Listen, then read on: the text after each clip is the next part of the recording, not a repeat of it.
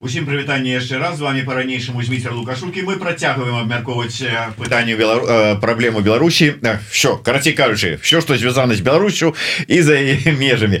Аж загаварыўся ўсё з-за того что у нас за нейкіх пэўных тэхнічных накладак здарыўся затрымка с адным эфиром адпаведна поплыў іншы і гэтак далей гэтак далей. Але тым не менш з нами на сувязі наш выдатны гісторыкі палітычны аглядальнік Александр Фридман добрый день день спадар Александр добрый день спадар Митер, вітаю спадар Александр що ж таки я так разумею что апошні наш з вами эфир у адыходзячым 23 годзе тому трошечку подвядзем вынікі давайте с глобального такого пытання на ваш погляд для вас ну может быть для беларусаў для нашего региона самая важная падзея 23 -го года? Неважно палітычная социальная там дыпламатычная выключна выключна беларускага накірунку выключна там можа быть рэгіянальнага накірунку. Что б хотели адзначыць Ну я тут не буду арыгінальным галоўнай падзеі для рэгіёна по-ранейшым для рэгіёны для Европы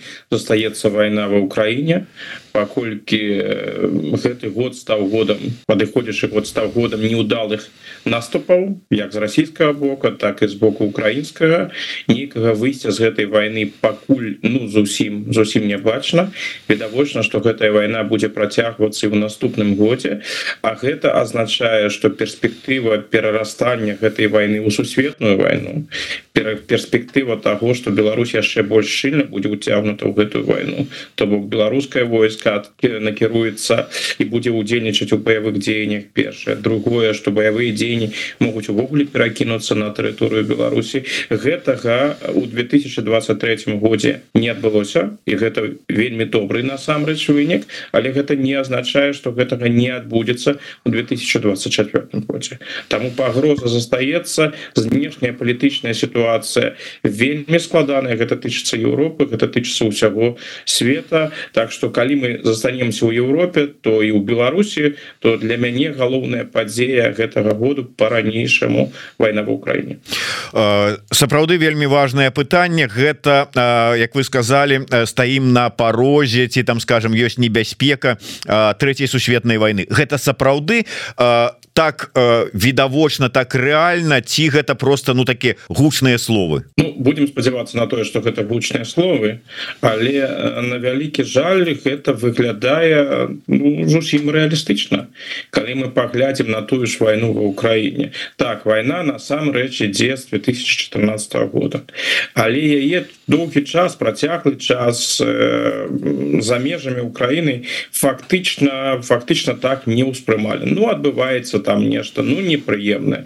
але таких сур'ёзных вялікіх баявых дзеянняў там на працягу апошніх гадоў не было. Ну не было і не было. Заморожены канфлікт так бы мовіць і вось гэты холодны канфлікт э, стаў у 2022 годзе канфліктам гарачым супрацьстаянне працягваецца Украіна працягвае змагацца захад працягвае стаяць на украінскім баку адносіны паміж Росіі і краінамі захада Росіі НАТО вельмі складаныя і вельмі дрэнная Росія нарощвае свой э, военный патэнцыял некаторыя заходнія военные эксперты і нават люди адказныя якія займаюць адпаведныя асобы кшталту нямецкага нямецкага міністра обороны яны адкрыта кажуць про тое что справа может дайсці до вялікай войны і может дайсці досыць хутка праз 5 7 гадоў і гэтак далей таму перспектыва гэта змрочная перспектыва яна на жаль прысутнічае пакуль до гэтага справа не дайшла але ізноў жа вектор развіцця дрэнны. Падчас зараз ось прысутнасці на нефармальным саміце у піцеры лукашенко ну вядомы военный эксперт лукашенко даў свой прогноз про наконт того як будуць адбывацца у 24 годзе развівацца падзеі ва ўкраіне. По яго перакананні там зразумеюць ўсё вот як трэба і пойдуць на замірэнне с Путиным з Россией. Ну відавочна что у подачы лукашэнкі на умовах России. Але про тое что неяк шукаць шляхі до замірэння размовы ідуць і на захадзе наколькі стане мейнстрымам вось гэтая лінія прымусу да замірэння ну, я пачну лукашэнкі конечно тое что распавядае лукашенко гэта яго мары вось анализ сітуацыі ад лукашэнкі гэта не спроба асэнсаваць тое что адбываецца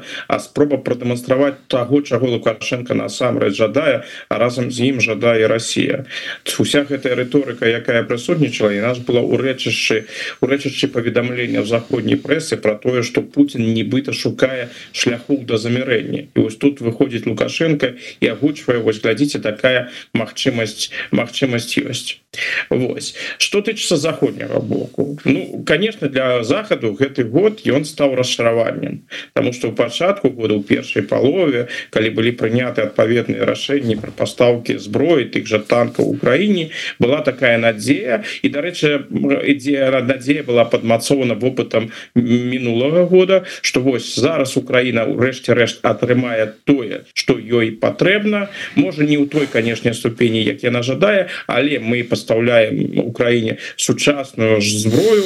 І вось дапамогай гэтай зброі ну выдатна у іх ужо ўсё атрымаецца яны палепшаць сваё становішча у военным сэнсе і тады можа будзе в Украіны больш магчымасцяў весці перамовы з Россией на роўных Ну у яе будзе лепшая пазіцыя на падчас перамоваў гэта былі заходнія надзеі. Ну як мы бачым за надзеі не спраўдзіліся і захад апынуўся напрыканцы 23 -го года сапраўды с таким складаным становішчы. З аднаго боку война працягваецца і выхада з гэтай войны няма. Я не веру усе гэтыя путинскія намёки про гатоўнасць спыніцца іншае. Но гэта выглядае з пазіцыі Путина нават абсолютно нелагічна. А калі нават і спыніцца то тут не трэба мець некі нейкіх ілюзій мець гэта толькі спыніцца на пэўны час каб яшчэ больш інвеставаць у армію каб э, атрымаць час на перавоз ўзбраенне мадэрнізацыю войска і пайсці яшчэ раз. То на тое что Путін адмовіўся ад сваіх канчатковых мэтаў а канчатковая мэта это гэта захоп усёй Украіны знішэння украінскай дзяржаўнасці я у гэта не веру так вось э, захад стаіць перед пытанням выйсці з гэтай войны ну выйсці не бачна падтрымліваць Украіну патрэбна А калі падтрымліваеш а вынікаў асаблівых няма. Ну статус-кво захаваўся. Так сапраўды захаваўся. Але нейкага такого магутнага паспяховага наступу не адбылося і не факт что нават заходняй дапамогай гэта атрымаецца Россия таксама не стаіць на месцы яны таксама вывучаюць свой опыт негатыўны вопыт Ну дык вось захаду в этом сэнсе ён разгублены і он бы хацеў замірэння ён бы хацеў бы дамовіцца на больш-менш нармальных умовах. Ну па шырасці ці будзе луганск там не ведаю альбо Донецк належыць разам з Марыуполем належыць да Украіны альбо ён будзе знаходзіцца под контролем России гэта з заходняга пункту гледжання гэта пытанне хутчэй другаснае. Конечно захад вельмі жадаў бы каб Украіна адваявала ўсё что магчыма адваяваць але ад по пакуль не атрымліваецца і сыходзяць менавіта з гэтай з гэтай рэчаіснасцю. Так что яны і падштурхоўваюць напэўна Украіну і кажуць ну можа можна было б там не паразмаўляць знайсці нейкі кампраміс но праблема ж не ў тым. Праблема ў тым что Россия да нейкага кампрамісу сапраўды кампрамісу не готова тое з чаго жадае Путін гэта капітуляцыя Украіны. Ну вось каб Украіну схілялі да капітуляцыі менавіта да капітуляцыі гэтага я не бачу пакуль не бачу але ты не менш глядзіце э, такое адчуванне что Ну я не ведаю что спрацоўвае но неяк ці ўсё ж таки меняются настроі у еўрапейскага грамадства ці ўсё ж таки добра працуюць расійскія грошы але следам за Орбанам такія ну умоўно кажучы лабісты расійскіх інтарэсаў з'яўляюцца ўсё новыя і новыя на вышэйшых пасадах у еўрапейскіх краінах чаго чакаць ісці у гэтым накірунку далей ці не атрымаецца так что яшчэ больш пашырыцца і просто под уплывам гэтага прарасійскага лобі будуць прыня прыймацца рашэнні не на карысці не толькі Украіне але по выніку і самой Еўропе. Ну, такие тэндэнцыі конечно Мачымы тут тут же трэба бачыць з аднаго боку ёсць люди якія адпаведна адпрацоўваюць расійскія інтарэсы якія цалкам звязаныя з Росіяй але ёсць і такія якія фактычна працуюць на карысць Росіі але не маюць прамых сувязяў з Расійскай Федэрацыі тое что яны робяць яны выдаюць і за нацыянальныя інтарэсы вось добры прыклад там той же Орбан згаданы вами Орбан.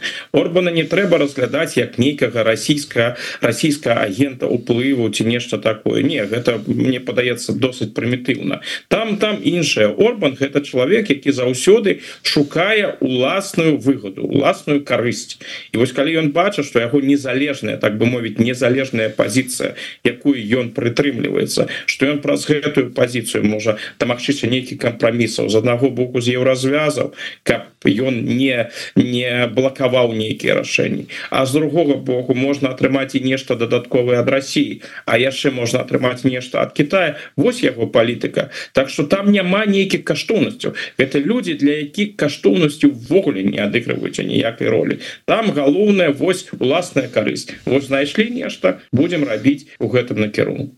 Паколькі расчараванне агульнае расчараванне расце і асабліва что моцна негатыўна ўплывае на еўрапейцаў это гэтае уяўленне что з гэтай гісторыі няма выйсця.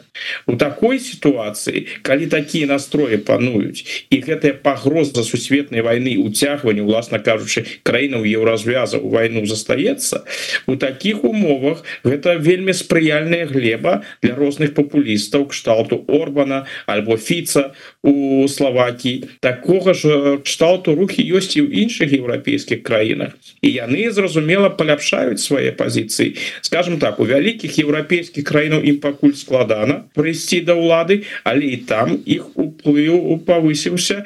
І паколькі тэндэнцыя увогуле у вайне яна адмоўная паколькі поспеху з украінскага боку пакуль няма з расійскага дарэчы таксама няма а але нейкага нейкага уяўлення про тое что гэта вайна можа хутка скончыцца і гэтая праблема будзе знята паколькі вось гэтага няма то тэндэнцыі будуць толькі ўзмацняцца і гэтыя партыі розныя партыі яны будуць умацоўваць паляпшаць свае пазіцыі.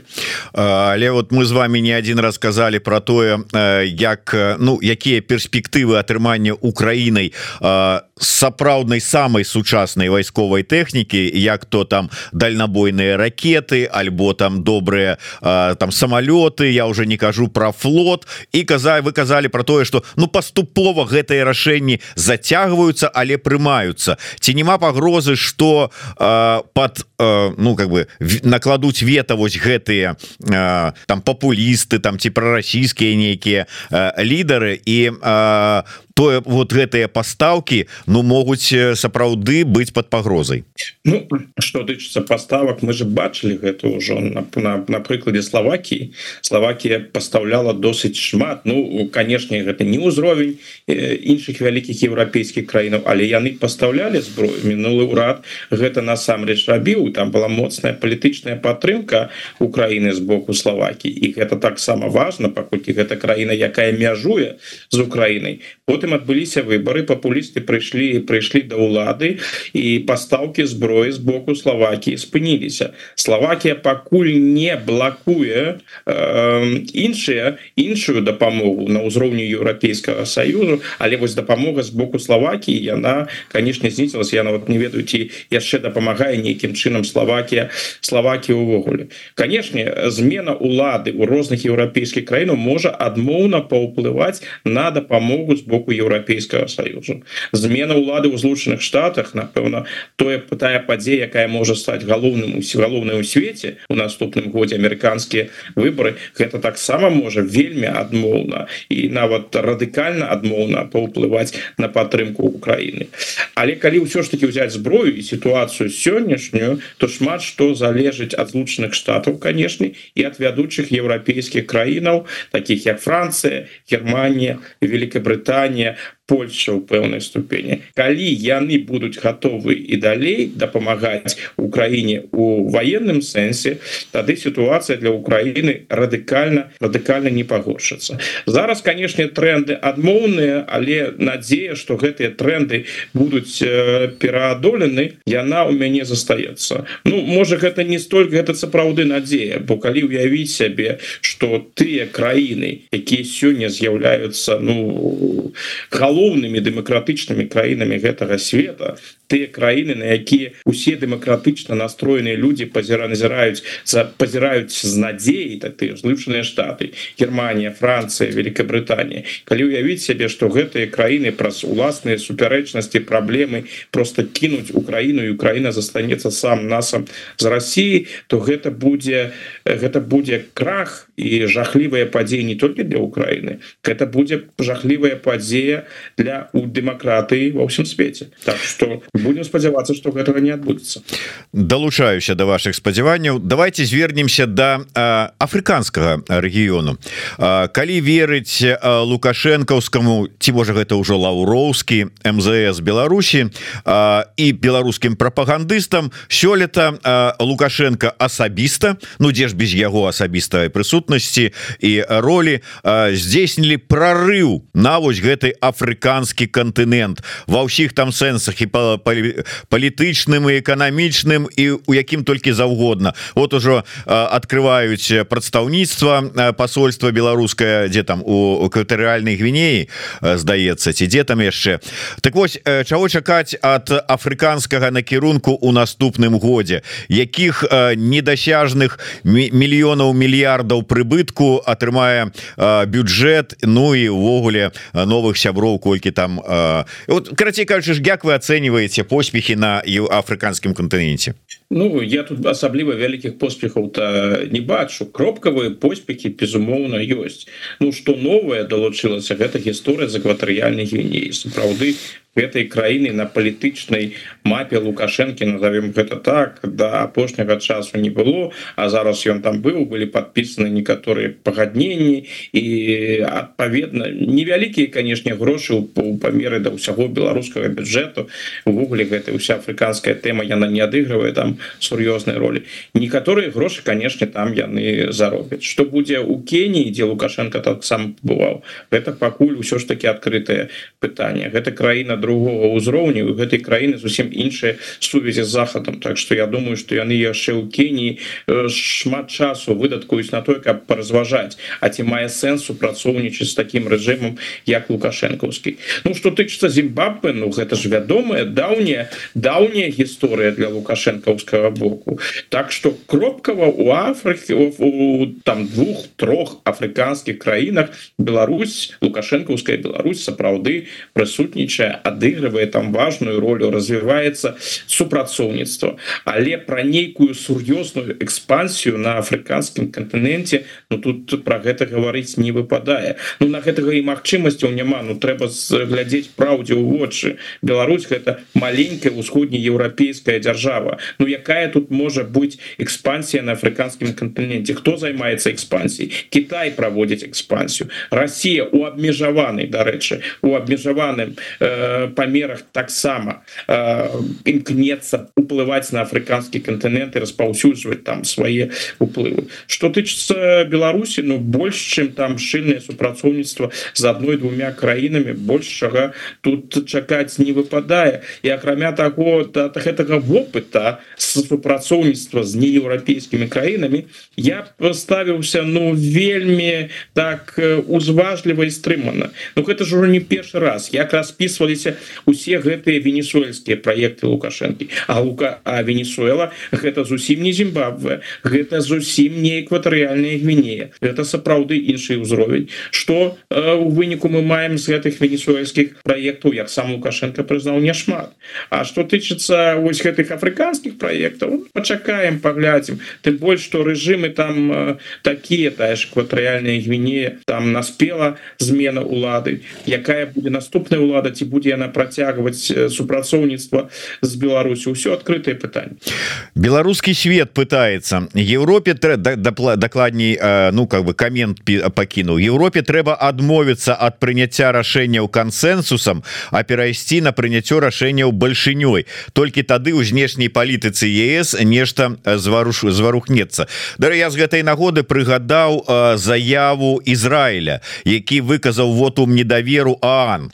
І у прынцыпе лагічна зрабіў судзячы по тым як ну лабістам нейкіх арабскіх там этих про про палестынскіх газаўскіх этих інтарэсаў з'яўляўся Ан. Можна толькі прыгадаць вот ты отдел на 30 тысяч чалавек які займаўся толькі пытаннямі газы. І там вот больш нібыта больш мігрантаў іншых праблемаў няма. Вот это самое вот такое. Колькі мільярдаў там было потрачана перакінута туды можна палічыць поле той просто по даўжыні туннеляў что там панарылі і колькасці зброі але Як вы думаете ці не прыспеў сапраўды час для ну нейкай рэарганізацыі вось гэтых нейкіх міжнародных інстытутаў інстытуцый стасункаў і статутаў по прыняцці рашэнняў? Ну, я бачу напэўна за Ан. Ан гэта асабліва цяжкі кейс. Там прадстаўлены зусім розныя краіны. Трэба сказаць что большасць краінаў якая там прадстаўлена гэта ўвогуле не дэмакратычныя раджы рэжымы якія не падзяляюць дэмакратычныя каштоўнасці. Паколькі яны знаходзяцца у большасці яны маюць таксама сваіх прадстаўнікоў у савеце бяспекі там тая ж Россия альбо Китай то адпаведна яны ў стане заблакаваць там любые рашэнні праводзіць тыя рэзалюцыі якім найбольш падабаюцца. Таму напрыклад у пытаннях правоў чалавека і увогуле у знешняй палітыкі. Ізраиль асуджаюць там куды часцей непараўнальна часцей чым напрыклад Іран альбо нейкія нейкія афрыканскія дыктатуры. Гэта такая рэчаіснасць Ан і таму она асабліва і не працуе а нейкіх магчымасцяў рэфармаваць а у дадзены момант Ну я прынамсі не бачу. Что тычыцца еўразвязя вас зададзенае пытанне гэтая рэмарка. Тык дыскусія яна ж даўняя гэта ж не новая абсалютна дыскусія ў еўразвязе як можа напрыклад быць что краіны які эканамічна палітычна военно адыгрываюць ну зусім у розных э, галактыках назовем гэта так знаходзяцца маюць один голас у еўразвязе ну напрыклад з аднаго боку люксембург краіна дзе у войску 900 чалавек якое войска там ну, агульная колькасць вайскоўцаў 900 чалавек. З другога боку напрыклад тая ж Францыя краіна адзіная краіна ў еўразвязе якая валодае ядерной зброі з другога боку калі калі ствараўся еўрапейскі еўрапейскі звяз гэты прынцып кансенсуса і он разглядаўся як такі прынцып гармоніі што вось у нас будзе гарманічная супольнасць дзе мы будем вырашаць усе праблемы кансенсусам прымаць рашэнні аднагалосна і гэта будуць рашэнні якія будуць усіх задавальняць былы э, федеральны канцлер Германії гельмут коль подкрэсліваў што вось малыя краіны яны не павінны пачуваць сябе краінамі другога гатунку альбо адыгрываць другасную ролю у еўразвязе Таму і быў прыняты прынцып які мы зараз назіраем. І у выніку такая краіна як Венгрыя яна ў стане браць у закладнікі увесь еўразвяз і казаць А вось нам гэтае рашэнне не падабаецца мы гэта заблакуем А калі вы нам нешта прапануеце ну які-нибудь сур'ёзныя грошы Ну мы поразважаем канешне гэта дрэнна і рэформа наспела але э, блакада гэтай рэформы будзе моцная бо той же Орбан і іншыя маленькія краіны выдачна разумеюць что калі гэты прынцып будзе э, згублены калі гэты прынцып э, калі еўразвяз ад гэтага прынцыпа адмовіцца ну яны страцяць сваю адпаведную палітычную вагу. Яны гэтага безумоўна не жадаюць. Першым мы перайдзем да, наступнага нашага пытання. На жаль у нас не так шмат часу сёння з спадаром Александром як хацелася б. Я б хочу э, нагадаць вам что вы перад гэтым новым годам просто абавязаныя подпісацца на телеграм-канал спадара Александра Фридмана каб сачыць за тымі допісамі якія ён там выкладае. Ён вельмі добра і аналізуе і праглядае усю сусветную прэсу фактычна Ну галоўныя яе сМ і я таксама нагадываю что варта ўсім кого для кого-то бяспечна подпісацца зрабіць сабе такі падарунак перад Новым годам на YouTube канал еврорада калі хтосьці гэтага не зрабіў до гэтага часа. Расшэрвайте подписывайтеся націскайте на звоночек покидайте свои каментары. Ну і хотелось б карыстаюся момантам нагадать про магчымасць выдатнага новогодняга падарунка. Вось такі трохтомнік беларуская нацыянальная ідэя дзе ёсць дарэчы і нацыянальная ідэя ад спадара Александра Фрыдмана. Так что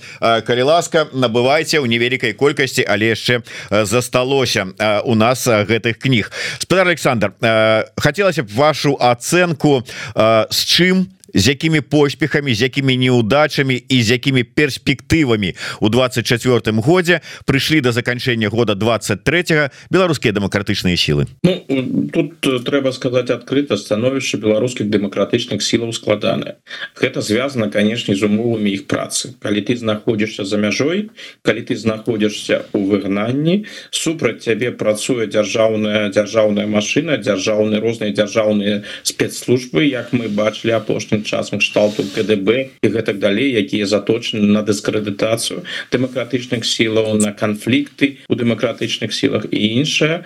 То конечно тебе працаваць і дасягаць нейкіх вынікаў складана. А яшчэ тым больш ва умовах Беларусі дзе сёння фактычна палітычнае жыццё і палітычнае жыццё і грамадскае жыццё мае такі стэрыльны характар і на нешта ўплываць вельмі цяжка.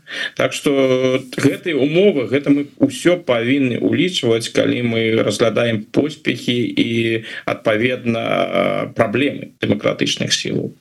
Калі браць по вынікам ну з рэжыму Беларусі Беларусі не змяніўся колькасць палітвязняў не паменшылася новыя санкцыі супраць рэжыма лукашэнкі. Санкцыі то пры ім прымаліся але сур'ёзных таких уплывовых балючых санкцыяў для рэжыму сапраўды у 23 у 23 годзе то не было. А дэмакратычныя сілы робяць стаўку менавіта на санкцыі. Міжнародны ордер на арышт ад міжнароднага крымінальнага суду на арышт лукашэнкі якога чакалі яшчэ спачатку гэтага года яшчэ до гэтага справа по-ранейшаму не дайшла. Калі мы вось гэта будем глядзець по вынікам яшчэ прыгадаем усе увесь гэты шлейф скандалаў які цягнулся праз гэты год ну вынікі скажем так не суцяшальны дрэнныя выні з другого боку і гэта таксама неабходна адзначыць усё ж таки міжнародная праца яна працягвалася. Былі візіты беларускае пытанне уздымалася. Намаганнямі дэмакратычных сілаў про гэтае пытанне пра становішча палітвязняў прынамсі пісала міжнародная прэса. Про гэта таксама трэба не з трэба трэба трэба гэта трэба прыгадаць. Бо гэта жахліва калі людзі ўжо жахліва калі людзі людзі знаходзяцца ў турмах сядзяць там і не маюць рэальных перспектываў выйсці на свабоду. А калі яшчэ яны там знаходзяцца з адчуваннем што пра іх усе забыліся і ніхто нічога не робіць для того каб яны выйшлі гэта гэта яшчэ пашахліва Таму гэтае пытанне уздымалася як мага актыўна уздымалася і гэта таксама добра. Іншы накірунак гэта тое над чым асабліва працаваў Павел латушка і народное антыкрызіснае кіраванне гэта пытанне ордара на арышт лукашэнкі. Наколькі я разумею тая інфармацыя тыя дадзены якія у прэсе узнікалі паводле датычнасці беларускіх уладаў. А яны дарэчы гэта асабліва і не хаваюць што яны датычны да вывазу украінскіх дзяцей што гэтай уся інфармацыя была сабрана і была перададзена міжнароднаму крымінальнаму суду. Ордера пакуль няма то бок выніка які чакалі дэмакратычныя сілы няма але гэта не не азначае что гэты ордер не з'явіцца. Я думаю что тое что гэты ордер урэшце рэшт пакуль не з'явіўся гэта звязано звязана не толькі з юрыдычнымі пытаннямі хутчэй ўсё ж таки гэта пытанне палітычнае бо адказныя за прыняццё рашэння людзі для сябе яшчэ не вырашылі што настаў той момант калі лукашенко павінен атрымаць такі ж ордер як атрымаў Путін напэўна яны яшчэ не жадаюць яшчэ больш падштурхоўваць лукашенко да супрацоўніцтва з расійскай Федерацыі і лічаць што калі гэты ордер будзе ну тады лукашенко яшчэ больш шчыльна і больш актыўна актыўна будзе будзе супрацоўнічаць. Так что падсумоўваючы гэты год 2023 быў да дэмакратычных сілаў недобры калі казаць адкрыта дрэнным але ўсё ж таки надзея на то что наступны год будзе лепшым яна застаецца ось я вас слухаў асабліва калі вы прыгадалі про там розную агентуру і ўсё астатняе калі у нас вот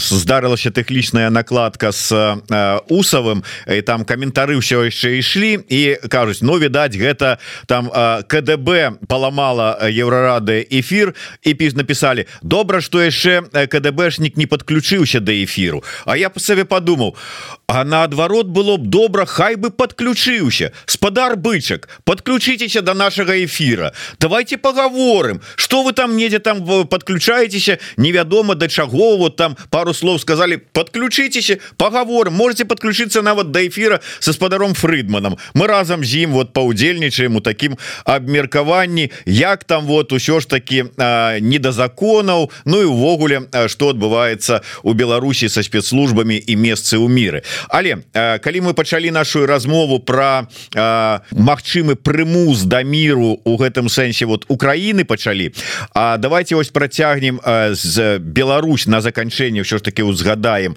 Ці не лічыце вы что у наступным годзе Мачыма что некое такое замірэнне перагортванне старонкі там ці спроба пачатку перамоваў захаду с лукашэнкаўскім рэжымам можа распачацца? Думаю что не пачнется лукашенко быў бы не супраць і можа нават на захадзе знайшліся бы тыя хто жадаў бы з ім паразмаўляць хотя думаю что ізноў жа без сур'ёзнай надзеі на нейкае паляпшэнне становішча тут же ёсць знешнепалітычны фактор ёсць расійскі фактор.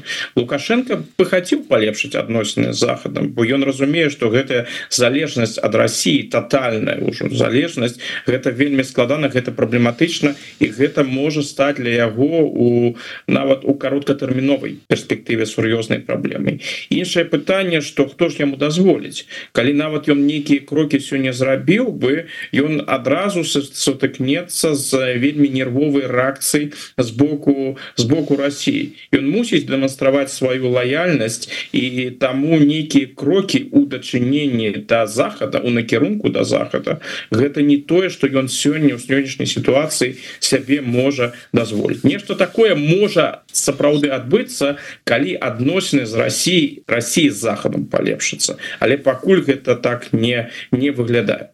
Ну вось спадар Александр не один раз прыгадаў ордер і нао латушку. Павел латушка ўжо стаіць за дзвярыма нашай студы і праз 5 хвілінаў подключыцца до да нашага эфира працягнем абмяркоўваць гэтую тэму. А на заканчэнне сённяшняй размовы с со спадаром Александром фрыдманом я хотел бы каб ён выказаў сваё такое навагодняе пожаданне на 24 год беларусам беларускаму народу дзе б гэтыя беларусы не знаходзіліся? Ну, галоўнае пачнем канешне каб э, здароўе. Здароўе ўсё ж таки для ўсіх нас здароўе і моц. Это галоўнае гэта тое что нам патрэбна. А ў беларускім кантэксце ну, таксама не пуціць нечага такого арыгінальнага з майго боку. Міру каб усё ж таки мир заставаўся і ў беларусі і заставаўся ў Еўропе а вайна по магчымасці скончылася. Ну і канешне тое чаго ў беларусі нягледзячы на ўсе неспрыяльныя умовы трэба жадаць і фактычна трэба жадаць думаю кожны дзень свабоды. Так что я спадзяюся на тое что Беларусь у наступным годзе застанецца не толькі мірнай але і стане свабоднай у сапраўдным сэнсе гэтага слова свабоднай дзяржавы так і хочется просто э, сказать двумя словамі закончыць нашу сённяшнюю размову. Жыве Беларусь! Жыве! Да сустрэчы ў наступным годзе А мы працягваем. Павел латушка будзе зараз у студыі